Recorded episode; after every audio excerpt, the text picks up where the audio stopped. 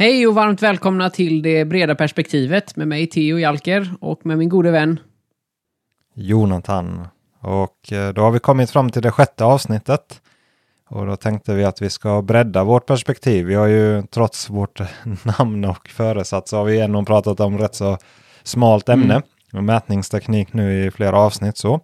Så eh, vi tänkte prata lite om projektering och det var ju någonting du tog upp Theo. Ja. Har, har du någon vad har du för tanke och ja, jo, men... vad har du för bakgrund inom projektering och varför vill du lära dig mer om det? Nej, men jag vill, man är ju nyfiken på, på allt som händer innan eh, liksom byggstart. Det är ju väldigt mycket jobb som eh, sker bakom kulisserna förstår man ju. Eh, så jag är väl mest nyfiken på processen, hur det funkar och eh, själv så har jag inte jobbat jättemycket med projektering. Man har gjort lite små grejer bara så. Eh, så därför är man nyfiken på hur det, eh, hur det fungerar och vilka fallgropar det finns och sådär. Mm. Och det är väl en väldigt naturlig fortsättning också på mätning. Eh, mätning att ofta när man mäter så blir det ju att man gör maskinstyrningsmodeller och då mm. är ju steget till projektering väldigt kort. Att man är ju en liten smygprojektör som mätaren. ja, precis. Så, jag, jag, jag, har kommit in på projektering från andra hållet. att eh, Jag har ju varit ute i, som an, an, i utomhus där i anläggning som anläggare. Och då blir det ju att man börjar, om inte ritningarna är färdiga eller funkar, så måste man ju börja projektera på plats utan bestämma, okej okay, då sätter vi brunnen här och då måste ju vattnet rinna dit. Och mm. Då är ju steget också väldigt kort till att egentligen gör, få ner det på en ritning. Så jag kommer väl eh, från det hållet. Jag, jag, jag har väl hållit på några, ett antal år nu, men jag räknade lite igår. Jag tror jag är jag ska inte lova att jag är över 100 projekt, men ungefär någonstans där hur många, eh, som jag har gjort. Och vissa, hur många år har du hållit på med det? Vad tror du? Nej, men jag tror mina första ritningar har jag nog eh, någon slags eh, namn på någon ritning har jag från 2012 eller 2011. Ja, okay. eh, sen hur, hur, bra de var, det är en annan. Men visst, de funkar. Men eh, att jag, i CAD har jag ju ritat sedan dess och så det har inte varit så stora. Men nu mina, jag, jag har inte varit sådana jätteprojekt, men projekt på 200-300 projekteringstimmar eh, som jag har bidragit med mm. i projekt är väl de större projekten. Så ja. det är ju alla, alla någorlunda dignitet om inte, om inte stort ja. hela. Vilk, vart, vart något. inriktar du dig på när det gäller projektering? Vilket är ditt område liksom? Praktiska projekt, inte, inte gestaltning utan mer eh, projekt, eh, tänk dig industrilokal eller lokal plus parkeringsplats. Mm av eh, upp till eh, kanske en hektar storlek, 10 000 kvadrat, mm. mellan, mellan stor villa till 10 000 kvadrats parkeringsplats kan man väl säga typ, mm. typprojektet. Sen har jag jobbat en, på sistone tiden eh, rätt så mycket i deponier. Mm. Ritat rörsystem och eh, ja, mm. deponikonstruktioner. Ah, okay. Man tänker där med projektering, vad, vad tänker du att projektering är? Om du skulle bara fri, fritt definiera eller säga vad projektering är? eller vad, vad, tänkte du innan du har? Nej, men eh, spontant så tänker jag bara att det är all planering som sker innan man sätter spaden i backen. Ja, det fortsätter väl kanske efter det också, men eh, det är väl så, det, det, är så jag tänker på projektering i alla fall. Det är liksom förstadiet. Mm. Jag, jag sökte lite på definitioner här i förberedelsearbetet och det är väl någonting sånt att det som från att beställaren vill ha någonting, alltså någon vill ju ha ett, ett resultat och den, det som sker mellan det steget och att det faktiskt byggs, mm. det är projektering på något sätt. Och sen kommer ju det här med relationshandlingar, att rita upp och dokumentera hur det blev, är också en del av projekteringsarbetet. Så man kan väl säga att det är en process. Mm. Att det är både utredningar och ritningar, och det är kvalitetsbeskrivningar, det är kontraktsskrivelser, projektbeskrivningar. Så det, det är inte bara det här att rita liksom mm. ritningar och detaljer, Nej. utan ju större projekt det blir, desto större plats tar allt det här andra också. Och ju mindre projekt, desto mer är det koncentrerat på själva, om man säger kärnverksamheten, att, att faktiskt komma på och rita en, mm. en lösning. Ja, okay. Så, så, det, så, så ofta har man, man, man kallar det en projekteringsprocess att eh, man kanske har någon behovsutredning, att ofta kommer en beställare och säger jag behöver en skola eller jag behöver en, en ny industrilokal. Mm. Och sen tänker de, har de kanske inte tänkt så mycket mer utan bara insett att de har ett behov. Mm. Och då blir projektörens roll att vägleda gen beställaren genom processen. Det beror ju på hur duktig beställaren är. Men ofta kanske man behöver ta reda på då vad själva behoven är. Hur många bilar behöver ni parkera? Hur många kommer jobba där? Och, Mm. ja, inomhus är det ju en, ännu mer, jobbar man väldigt mycket med det här med behovsutredning. Och, Mm. Sen kanske man definierar det, man kan, kan, ofta kallar man det programarbete då, man skriver ner det i ett dokument och kommer fram till att ja, men då behöver vi det här och det här och det här. Och liksom mer, mer man, man projekterar fast i ett Word-dokument. Ja, okej. Men eh, det är ju än så viktigt då. Sen kommer ju gestaltning eh, eller utformning, att hur, hur ska det se ut? Mm. Att man, då löser man inga detaljer utan då börjar man ju sätta ner det på papper att okej, s- okej, vi lägger byggnaden här på tomten och parkeringen och Men- alltså så här ser det ut och så här rör man sig och så Mm, vidare. men jag antar att det är olika projektörer inblandade för olika områden då, eller är det en och samma som projekterar alltihop? Ofta är det väl arkitekten som har huvudrollen i projekteringsarbetet. Och utomhuslandskapsarkitekten. Mm. Och sen har de ju discipliner under sig, el och mark och konstruktion och, Ja, okej. och så vidare. Men det beror på väldigt mycket. Alltså det, det, ju större projektet är, desto mer specialiserade är allihopa. Och alla har sin roll Mm. och ju mindre det är så, som jag är van att jobba väldigt liksom fri roll och ända från första kontakten. Eh, okej. Kanske plan, i och för sig planlösningen brukar vara färdig men att man i princip får man pussla ihop utseendet Mm. och konstru- liksom markkonstruktionen och rören och hela biten själv. Ja, Men då är det man kanske bara den enda projektören utomhus. Mm. Så, så, så det hänger väldigt mycket på storleken på projektet skulle jag Ja, säga. Eh, medan som du tänker Västlänken eller några sådana stora Mm. projekt, då är det ju väldigt uppdelat allting. Då. Ja, Och då är ju kanske kommunikationen den stora delen av projektet. den enkla lilla biten där med kommunikation. Den, ja. Nej, men sen efter det så kommer ju det här, om vi kallar, det man, jag tänker, in- innan tänkte på projektering, det är ju egentligen det ofta kallas detaljprojektering eller ta fram bygghandlingar. Att det är då man faktiskt spikar så här, det här ska det bli här och så här, ja, de här sakerna. Och, eh, men i det skedet så är det ofta beskrivningar också. Man beskriver kvaliteten på grejerna. Mm. Men så, det- så man, det är väldigt många roller, alltså det är samordnande, det är undersökande, beskrivande, föreskrivande. Sen är det ju lösa problem. Eh, så, så det är väldigt många olika kunskapsområden. Så det är ju de här mjuka värdena, alltså precis som vi pratade där om beställningen, är det ju Mm. minst lika viktigt, eller ja, det är ju viktigare inom projektering att, att beställaren ska ju få det de hade i huvudet, Mm. inte det de kommunicerade alltid, utan det gäller att fiska fram det som den som vill bygga och stå för pengarna vill ha. Och det är inte alltid så lätt. Nej, okej. Så det är Lite- väldigt mycket kommunikation. Och lite detektivarbete då från detektivarbete. projektörens sida. Ja, ja för det, det, det är ju ett stående skämt att ja, men du, du fick vad du ville ha, men, ja, men, eller du fick vad du sa, men det var inte det du ville Mm, ha. mm. Eh, det finns ju väldigt många sådana små serieteckningar om det här. Men, Mm. så, så, jag skulle nog säga som störst, stö- största råd är det, det är liksom inte ha för bråttom med att rita Nej. det, utan det är verkligen ta reda på vad, Mm. vad som egentligen behövs. Liksom lyssna, lyssna och förstå på helheten. Mm. Men sen eh, om man tänker eh, mer ämnesspecifikt så bör man ju veta mycket om produkter som projektör. Eh, Vad finns det på marknaden? Hur bygger man ihop dem? Hur ser saker ut? Hur, hur mycket kostar grejerna? Alltså göra kostnadseffektiva lösningar. Mm.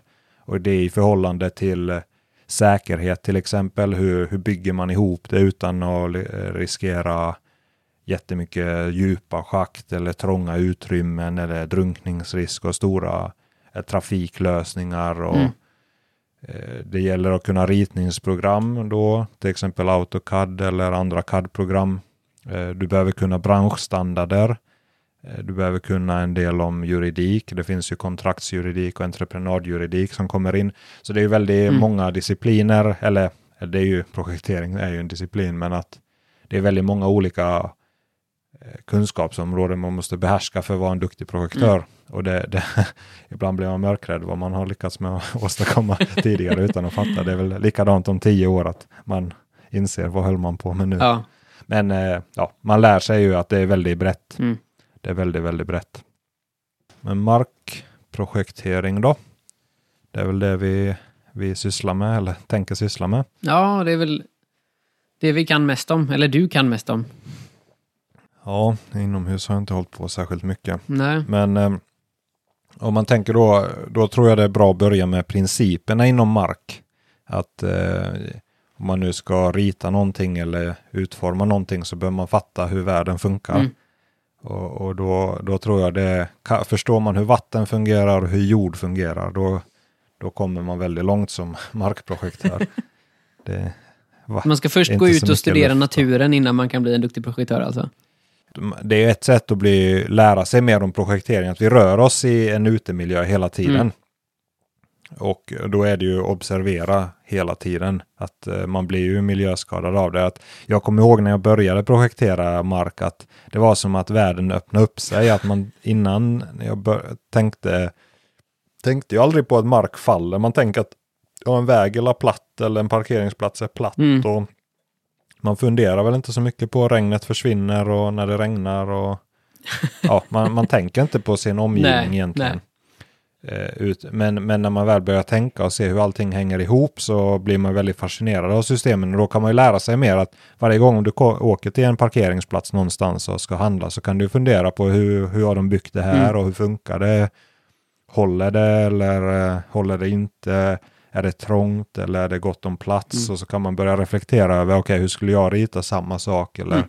så kan man fundera, okej varför ritar de så här? Finns det någon begränsning här? Eller vad har de tagit hänsyn till? Eller är det bara snålhet eller ett misstag? Och, nej, men of, ofta är det ju en begränsning att okej, ja, de måste balansera de här Mm. aspekterna och så vidare.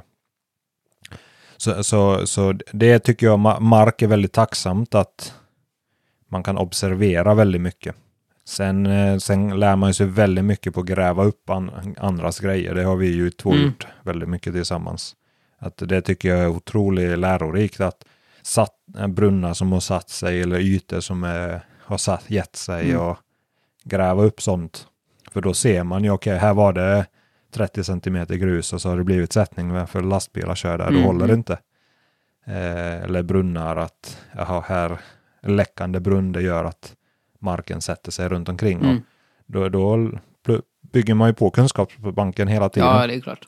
Eh, Då lär man sig väldigt mycket. Mm.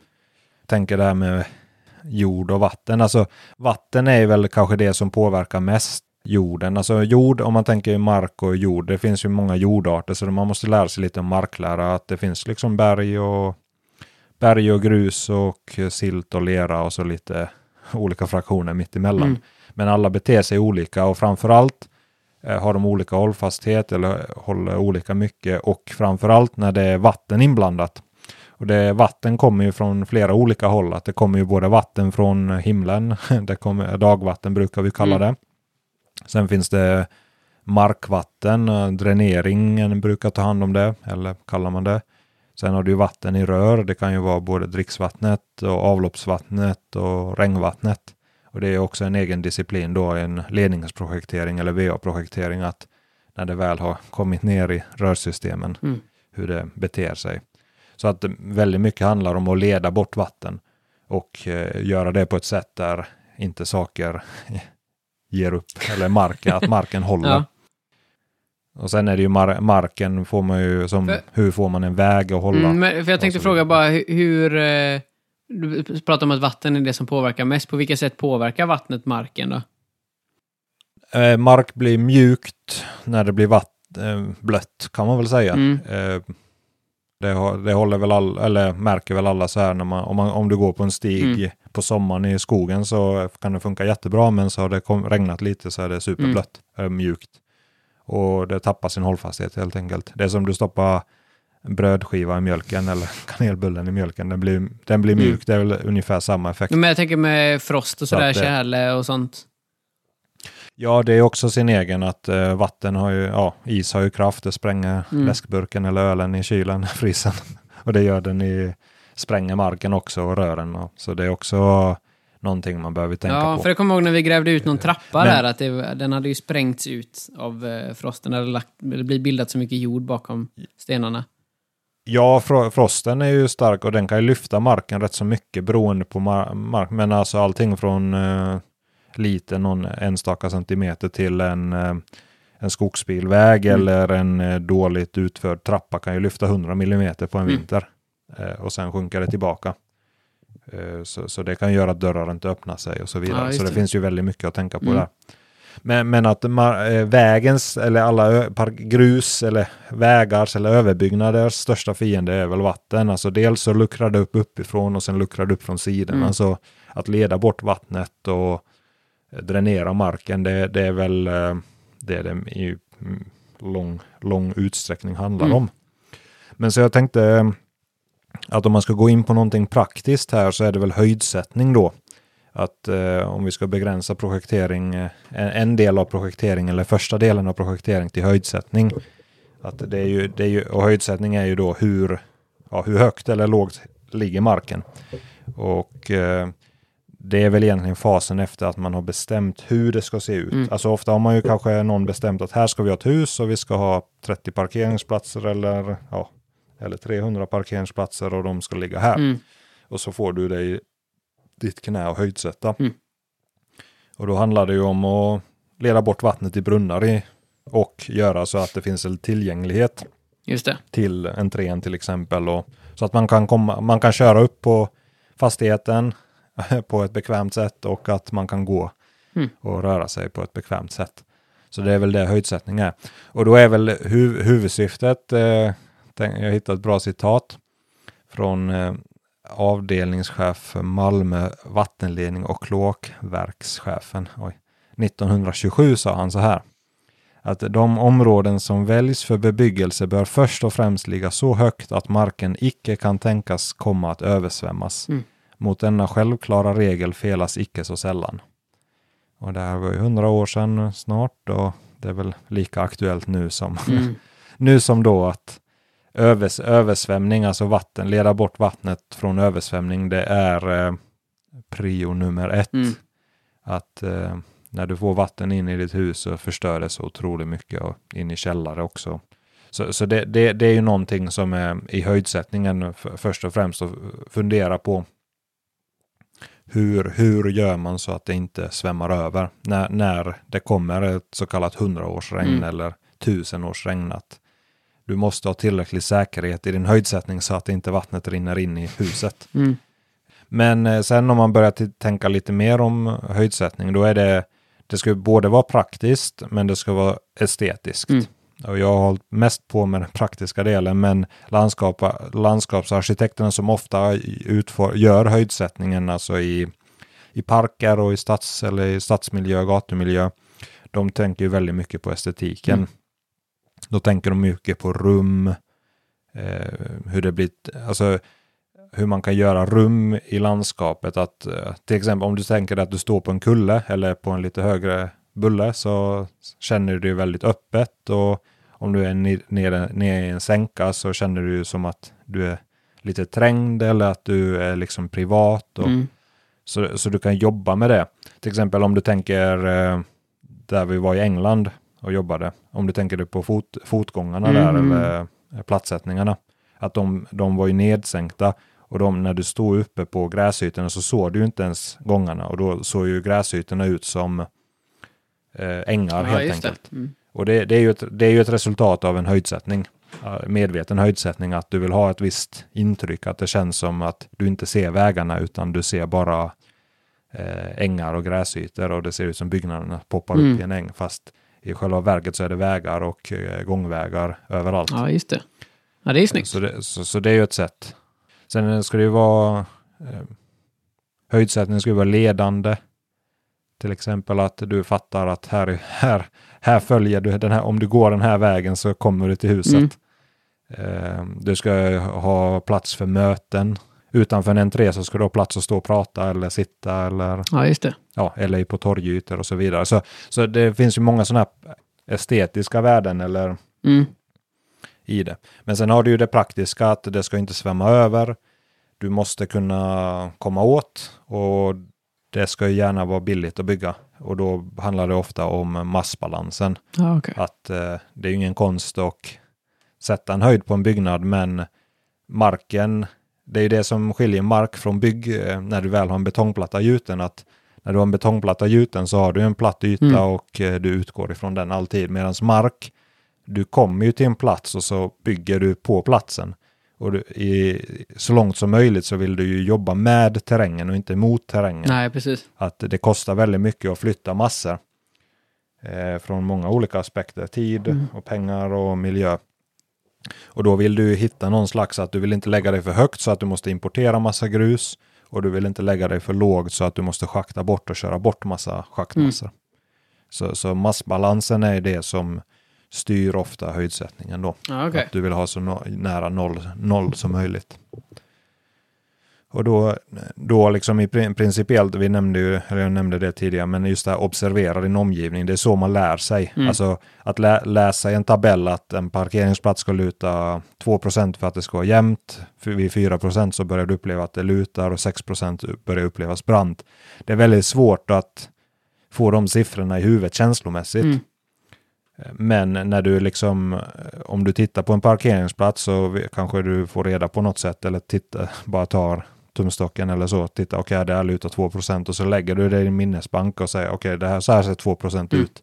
Så här ser en, en på två slänt ut, så här ser 33% ut och så vidare. Mm.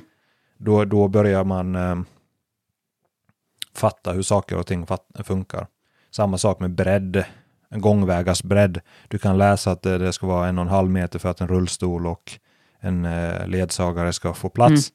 Men när du går på en gångväg och eh, tänker på bredden, okej det här är en och en halv meter, det här är 1,7, det här är två meter, det här känslan får jag när jag går tillsammans med min fru eller min familj. Så man ska alltid ha med Eh, sig en ja, tumstock, är- alltså, så man kan mäta allt hela tiden.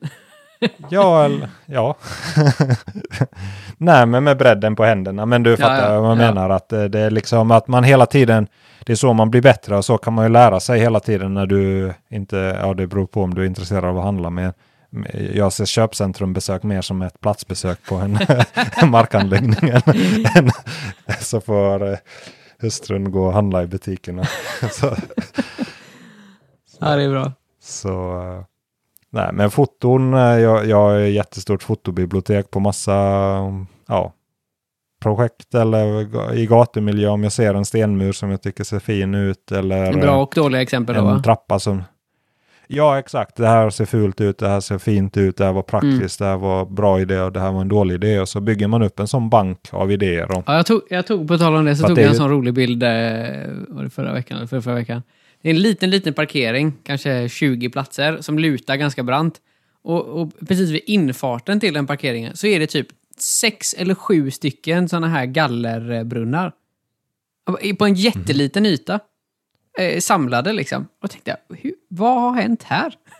Väldigt många olika... Eh, Okej, det- vattnet rinner lite hitåt. Vi sätter en brunn här. Och sen så rinner det lite hitåt en annan dag. Oh, då sätter vi en brunn här. Och så, jag skickar den bilden till dig. Det var väldigt roligt. Eh, ja, eh, intressant. tätt med brunnar. Nej, men ju- just så, lär man ju sig. Alltså man bara, oj, vad, vad har de gjort här? Och så, sen, sen kan, okej, nu har jag svårt att hitta en så di- distinkt förklaring, men ibland kan det vara, okej, de har en oljeavskiljare, och så har de fettavskiljare och så har de, Mm. ja, i och för sig, då skulle det inte varit gallerbeteckningar på dem, men, men du vet att så börjar man fundera och så helt plötsligt så fattar man, okej, de var tvungna att göra så här. Det var en intressant lösning. Mm. så, så lär man ju Ja, sig. det finns säkert en förklaring till det, men det såg väldigt roligt ut då på... eh, Så såg det ut. Ser ju vad många brunnar det är där. Så det är en borta vid hans bil där, och sen är det tre Ja, stycken var- där och sen är det en till här, vet du. Ja, den var, den var rolig den. För det, men men så, så är det ju, alltså till exempel, om, om man nu får säga så att många, det är nackdelen att eh, många, så, alltså om man tänker sig hur man blir projektör, då är det ju, du går gymnasiet och så av någon anledning så hamnar du in på väg och vatten och så börjar, lär du dig projektering och så får du jobb som projektör på en eh, konsultfirma. Mm. Och du, du kanske aldrig har varit på en byggarbetsplats eller bara varit på platsbesök några gånger. Du vet inte vad det betyder. Nej. Eh, Du vet inte vad en brunn kostar. Du vet inte alls vad, hur, hur man bygger och då, då är det ju väldigt svårt att rita en praktisk lösning. Jag, jag har undervisat eh, i, i anläggningsprojektering eh, två gånger på yrkeshögskolan, två olika kurser på ungefär 100 timmar. Och, och då ser man ju alltså nya, nya som ska rita Mm. att de bara ploppar ut brunnarna. puff, puff, puff. Och så tänker de, ja men vattnet tar väl sig dit på något sätt. Och sen, och om du inte, om du inte har någon som kontrollerar det så, ja, då, då installerar Då är det- byggaren det och tar betalt. Och, Nu är det gubbarna på skrattar. plats som eh, står och kliar sig i huvudet sen bara. Ja, och de har en utförande entreprenad och de får bara betalt för att göra det de Ja. ska. Så. Ja. Och då blir det så. Så, så nej, men det, det vet man inte. Det kan ju finnas en bra anledning också. Men Mm. om, många gånger kan det bara vara att eh, projektören vet inte, eh, vet inte vad som ska ritas. Så jag, jag, eh, det är väldigt bra med den här teoretiska kunskapen och det, den har jag ju fått plugga till mig på egen hand och läsa Mm. handböcker och köpa handböcker och så.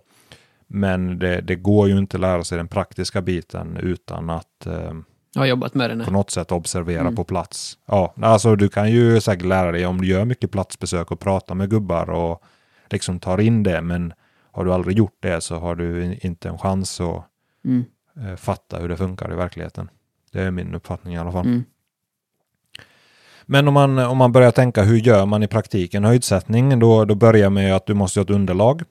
Eh, Du måste ha en inmätning Mm. eh, i något format. Så har man det. Sen, måste, Vad- sen har man ju lite När det olika... gäller eh, inmätningen, där, vad föredrar du? Att jobba från liksom ett ortofoto, eh, liksom en markmodell, eller eh, vill du ha en, en projekteringsinmätning liksom, när man har sprungit runt och mätt själv? Liksom? Vad, vad brukar bli bäst? Ja, vad blir bäst? Eller det kanske finns för och nackdelar med båda Bra två, men... fråga. Eh, För och nackdelar, men alltså får jag välja nu, nu min favoritsätt är ju att jag har ju en inmätning och sen eh, får man en markmodell gjord av den inmätningen och man får det av utsättaren och då man gör den själv. Och sen ett ortofoto på det. Eh, mm. Och sen själv vara på plats och tagit bilder och funderat. Mm. Att det är en kombination av all det. Men att i, i, i CADen så vill jag ha en markmodell. I, jag ritar i Civil 3D. Så jag vill ha markmodellen och sen vill jag ha en XRFa in en eh, CAD inmä, eller en inmätning och där vill jag gärna se alla objekten Mm. framför allt. Alltså här finns lyktstolpar och Ja, okej. Så en kombination av båda är egentligen det- bästa då? ja, alltså för höjderna är jag inte så intresserad av projkartan utan de får ju av markmodellen. Som är liksom en drönarflygning Så, så då? själva... Nej, eller av inmätningen. Mm. Alltså det, att, men att eh, inmätningen blir två produkter, en markmodell och en karta. Ja, ja. Mm. Om du tänker dig att du gör en inmätning och du har massa plushöjder, de vill jag inte se egentligen sen när jag har en markmodell. Men jag ville se alla vatt, eh, brunnar och lyktstolpar Mm. och kantstenar och alla linjer på det sättet vill jag Mm. ju se. För de får jag ju inte av markmodellen. Ja. Nej, men det blir ju en, en markinmätning och sen så har du ju en eh, ja, VA eller vad det nu blir, inmätning. Ja, Mm. ja, det är sant att det blir två olika. Men, men att... Eh, Jag tänker, för det finns väl ganska mycket Ja, sån här ja. öppen data som man kan använda sig utav, typ så här, heter inte det ja, LAS, ja, ja, alltså kan, LAS-data eller? Jo, la, la, la, jo laser eller Mm. LIDAR-data. Du, har, ju- du kan ju ladda hem från eh, Lantmäteriet. Eller ja, vi säger Göteborgs stad har ju det gratis. Mm. De flyger ju, jag vet inte, är det varje år? Varannat år tror jag de flyger. Jag tror det är varannat också. det kan du ladda hem LIDAR. Li- LIDAR-data, Mm. ett punktmoln.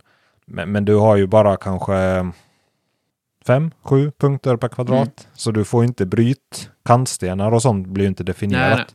Men har du, inget annat, har du inget annat så får du köra på det. Mm. Så du, du börjar ju projektera, göra en förprojektering eller Ja, ja. översiktlig projektering kan du göra från öppen data plus ett ortofoto. Mm. Och det kan du ta från Lantmäteriet eller Hitta eller Eniro eller Mm. Google Maps.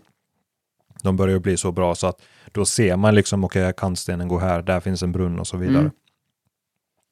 Så man kan, kan komma väldigt långt och jag är helt övertygad om att med tiden så kommer mycket komma från flygningar eller drönarflygningar och sen Mm. plockar man digitalt ut det i datat.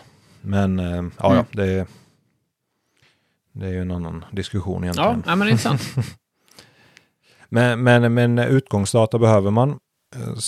Sen eh, börjar man ju fundera på det här med hur man tänker. Så först måste man ju få en väldigt distinkt uppfattning om hur det ser ut idag.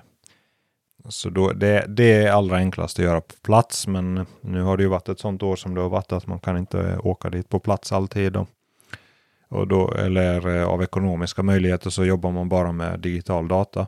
Då, då är det ju väldigt smidigt i 3D-programmen, alltså som i Civil eller Geo eller vad man nu har, TopoCAD.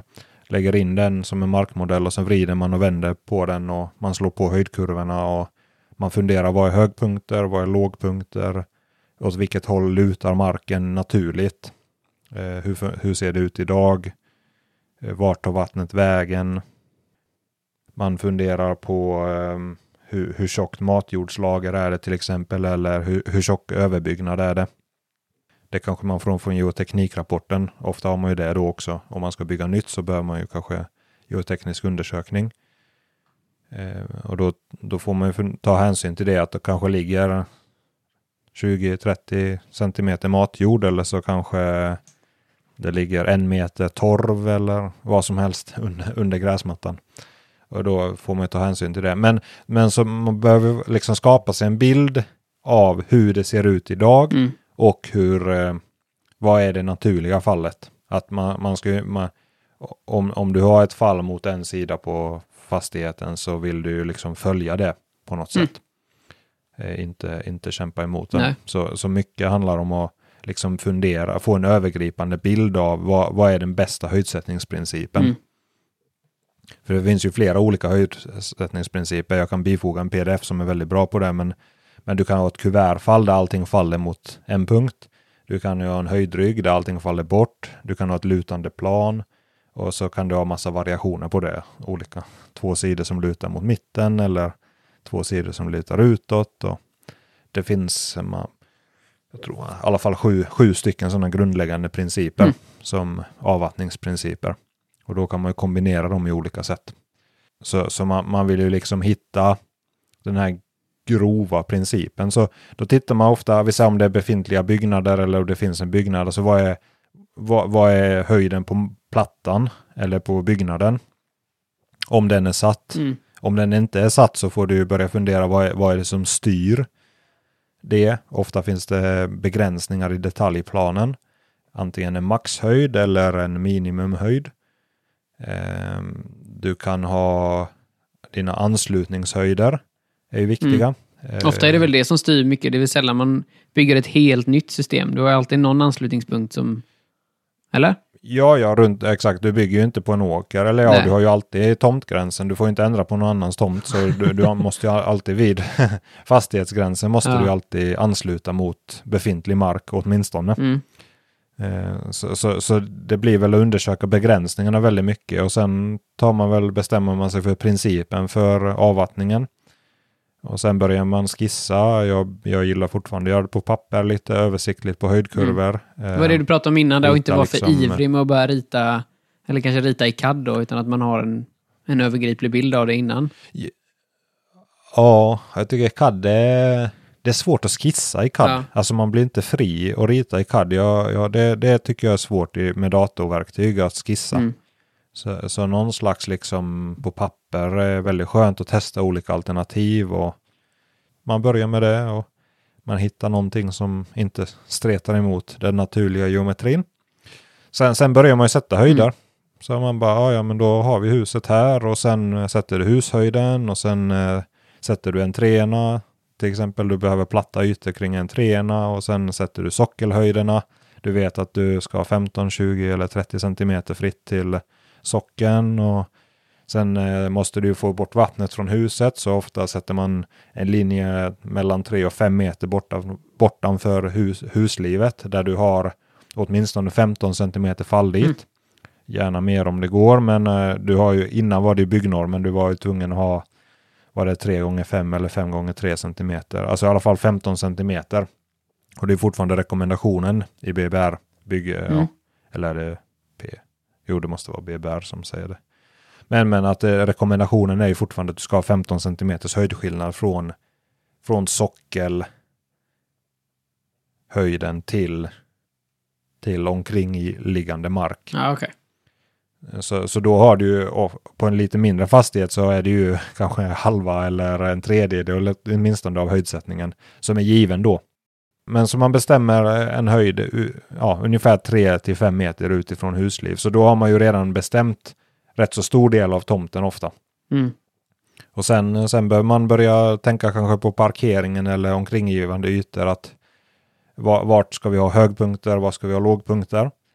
Eh, bestämma brytlinjer. säga att här, här kommer vattnet rinna. Eh, sätta höjder på hårdgjorda kanters hörn, typ kanten på parkeringarna. Eh, sen när man gjort det så kanske man börjar tänka på ramper och trappor och murar och Mm. ta upp höjdskillnader och så. Och sen börjar man liksom, när man har gjort det, sen börjar man ju presentera det på något sätt. Kanske att man förtydligar med släntmarkeringar och Mm. nivåkurvor och sen får man ju hela tiden kolla det mot massbalansen då. Det är ju väldigt lätt i, med dat data, datakraft. Jag har, jag har gjort markprojektering helt för hand och dragit ut sektioner för hand. Mm. Det är tråkigt alltså. och svårt. Eller svårt, eller svårt att justera, Ja. så det är lite omständigt. Med, med datorn så är det väldigt lätt att jämföra. Eh, ja, man kör liksom två modeller mot färdig mark mot befintlig mark och så får du en kubik och så förhoppningsvis så tar de ju ut varandra Mm. någorlunda. Annars får man höja eller sänka någonting. Ja. Och sen, eh, och sen när, man, när man är nöjd med det så får man ju kontrollera eh, lutningar. Att eh, kolla så att alla, in, inom alla toleranser. Det finns ju ett helt regelverk inom det. Och ja, så det är väl ungefär så. Och sen tänker man ju samtidigt på praktisk, hur man bygger det praktiskt. Mm. Att du vill eh, ha gärna långa jämna ytor. Man vill inte bryta ytor på i mitten och man vill inte skeva dem i onödan utan tänka i stora ytor, gärna rektanglar eller kvadrater eller åtminstone trianglar. Mm. Men gärna rektanglar att man kan liksom till exempel om man hyvlar av det eller kör med maskinstyrningssystem eller med en fallaser att du kan ställa det liksom och sen liksom att du får ytor att då, då när du schaktar till exempel så blir det mycket enklare att följa en stor yta och så liksom med ögat också få, få hjälp För av. att förenkla för utföraren helt enkelt. Så, Ja, alltså håller du på massa så liksom kullar och liksom småytor och sånt det är ju väldigt omständigt Mm. att bygga. Och allt som är omständigt tar mer tid och då kostar det mer. Ja, så är det ju definitivt. Så ja, det är väl eh, höjdsättning i grova drag. Eh, alltså höj, höjdsättning är ju alltså på ett sätt inte jättesvårt men det är samtidigt väldigt kreativt eller svårt på det sättet att du har, du har ju väldigt mycket frihet och där kommer väl erfarenheten Mm. in väldigt mycket att eh, hur, hur, hur ritar man det effektivt Mm. och snabbt direkt. Alltså man, man, man får en känsla, så här, så här gör vi höjdsättningen, det kommer bli bra. Mm. Att eh, det, det är väldigt fritt och så på det sättet är det ju svårt. Mm. Sen finns det ju eh, ramper. Man, man till exempel, eh, det finns ju ett regelverk att eh, man, man får inte överskrida vissa lutningar som en på 12 på en ramp. Eh, helst ska du ha en på 20. Mm. Lutning 5 lutning på en ramp och du får inte ta upp mer än 50 cm i ett svep. Utan sen ska du ha vilplan. Och vilplanen ska ha max 2% lutning. Det finns mycket att ta hänsyn till helt enkelt. ut, ja, det finns ju det. Och så har du minimi, minimi bredder och Mm, sånt. mm. Så. Det finns mycket att ta in där. Ja, verkligen. Verkligen. Men, eh, men framför allt, alltså bort med vattnet från huset, bort med vattnet från där man går, bort med vattnet därifrån man kör, Mm. eh, få ner det i brunnar. Tänk över vad, när brunnarna inte funkar den dagen eller när det regnar så mycket att brunnarna inte sväljer, vart tar vattnet vägen Mm. då? Så, så du har ju eh, övers, översvämningsvägar måste du ju ha på något sätt att okej, här tar vattnet, här, här rinner vattnet över kanten istället för in i huset. Mm. Nej, precis. Det måste ju vara jätteviktigt Och, att ta med sig ja, plan A och plan B Ja, liksom. Så, så, och plan C, ja, exakt. Mm. Plan C. om man nu pratar om dagvatten så är det nog tre skeden. Att du har ett normalregn Mm. eller vad man ska säga att det är normalfall. Att det funkar bra. Sen har du ju tio, ofta dimensionerat för man för 10 års regn eller ett 20 års regn börjar det bli nu. Men att då är det liksom ett eh, stat, man säger statistiskt regn, liksom att vara eh, väldigt förenklat uttryck så är det den starkaste skuren på 10 år eller så Mm. vidare. Och, och då räknar man att då får brunnarna gå fulla. Till exempel är ledningssystemet fullt. Och då måste man titta på vad, hur, vad händer vid det tillfället. Mm. Och då kanske man får acceptera lite pölar och lite grejer Mm. och sånt. Men hur Eh, tänker man som, som du i Göteborg, speciellt i innerstan här där man har eh, älven inte så långt bort. Att eh, det måste väl också styra någonstans vattennivån innan det börjar backa upp i, i dagvatten eh, oavsett hur fin din projektering Ja, så är så har det- du alltid ett, ett minimum, eller liksom maximum, man ska säga, ut mot havet. He- Helt klart, så det kanske vi får prata om när vi pratar om ledningsnät, men uppdämningsnivå kallar man det. Mm. Att, eh, att eh, du, har, du har ju ett mått där det backar upp. Ja. Eh, och även avloppsledningar backar ju också upp när Mm. de blir fulla. Eh, så du har en uppdämningshöjd du får ta hänsyn till. Så i Göteborg, nu kommer jag inte ihåg den utan till, men det finns ju en eh, höjd där man säger så här högt åker älven upp är det 1,6, 7, någon, Mm. jag kommer inte ihåg. Mm. Och så finns det någon siffra på hur mycket den ska stiga också nu närmsta hundra åren. ja, det blir Eh, spännande. Och då vill man gärna ta hänsyn till det. Ja. Så, så det finns ju höjder där. Och då, då, då pratar man om dagvattenhantering. Mm. Eh, så det, det finns många, väldigt många faktorer helt enkelt att ta hänsyn till i Ja, det gör det verkligen. markprojektering. Ja, det här var intressant. Det känns som att man kan djupdyka in i de väldigt mycket olika små nischade områden när det kommer till projektering. Nu har vi pratat om mark liksom, och höjdsättning, men inom mark så finns det väl jättemånga olika områden man kan prata mer om. Ja. ja, det finns det verkligen. Mm. Men eh, någonting som är bra att lära sig, om man nu ska proja mark så är det ju att lära sig lutningar utan till eller, eller lära sig vad funkar och vad funkar inte. Mm. Typ att en halv procents lutning längs kantsten, en procent, eh, minst en procents lutning på asfaltsytor. Eh, eftersträva av 2 procent, det upplevs som platt. Mm. Överskrider helst inte 4 procent, men om det inte går så kanske 6 procent funkar. Eh, garageuppfarter ska helst inte vara mer än 15 procent. Mm. Eh, ska du kunna köra med klipp, äh, grä, gräsklippare så får du inte överstiga kanske 25 till 30 procent. Nej. Ska du, ska du ha gräs eller buskar på en slänt så kanske en på två eller 50 procent är lämpligt. Och, Men eh, du säger att man ska, du- du man ska lära sig sådana. de här procenten. Hur lär man sig dem? Var läser man? Var tittar man? Hur man... Nej men jag, jag kan bifoga ett dokument. Det finns ju, jag har ju ett dokument framför mig som jag Mm. Plockar lite ifrån med lutningar som inte bör understigas och lutningar som inte bör överstigas. Det finns ju rikt, riktlinjer. Det finns inte så mycket lagar. Det finns ju vissa lagar finns det ju till exempel för just eh, rörelsehindrade och det kan finnas för vägar till exempel finns det ju Trafikverket har ju sina Mm, normer mm. och så vidare. Jag tänker en, en, Men- men en det ju- lathund för liksom procent. Bara ha liksom ett A4-ark Mm. bara när man Ja, sitter men- där och... Ska man se? Mm, men jag, eh, du, du ska få det. jag har två dokument eh, som beskriver. Det är två lathundar för höjdsättning som är jättebra. Det är två examensarbeten som är fantastiska från eh, två kvinnor. Olika, ja, olika, men från Alnarp är de.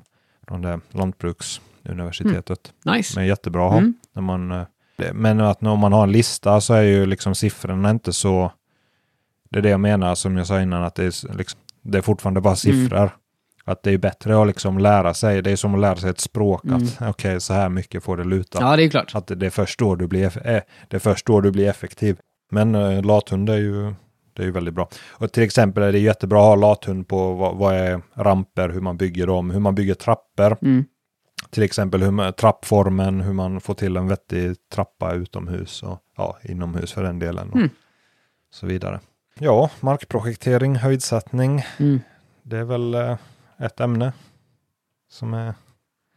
Det ligger dig varmt om hjärtat i alla fall. Eller nära hjärtat.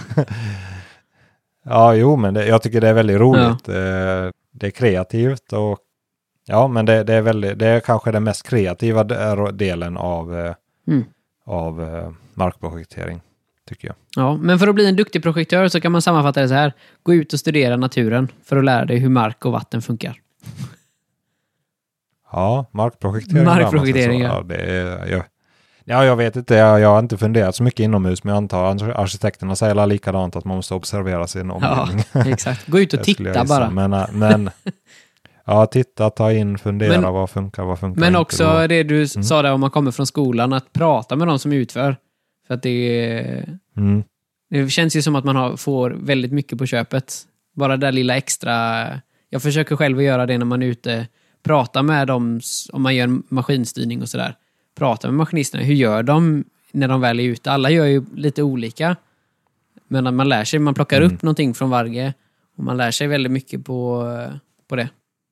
Ja, jag har lärt mig jättemycket att prata med asfaltskubbarna och de som justerar parkeringar alltid. Alltså om man ritat en höjdsättning så brukar jag alltid fråga dem när de asfalterar, liksom vad tyckte ni om höjdsättningen Mm. eller funkar det och, och om ni skulle fått göra något annorlunda, vad skulle ni gjort? Mm. Och, för ofta säger de då liksom, ja men den här ytan var för trång för läggaren till exempel, att ja men de vill ha 2,5 meter eller 2,7 meter för deras ja, läggare lägger det i stråk. Mm. Så kan man liksom lägga ytor efter det Ja, ja. så eh, tycker ju de om det då. Alltså det är väldigt, de löser ju allting men att då slipper de handlägga Mm. och, och varje sån liten sak man plockar upp från varje projekt blir ju att man bygger på sin Ja, och du- kunskapsbank och, det blir bättre Du måste ju bli lösningar. mer kostnadseffektiv då också, för om du förstår att de behöver så, då kommer de inte behöva handlägga och då tar inte det tid och så har du sparat in lite pengar Mm. på det, på att du hade med det i din projektering.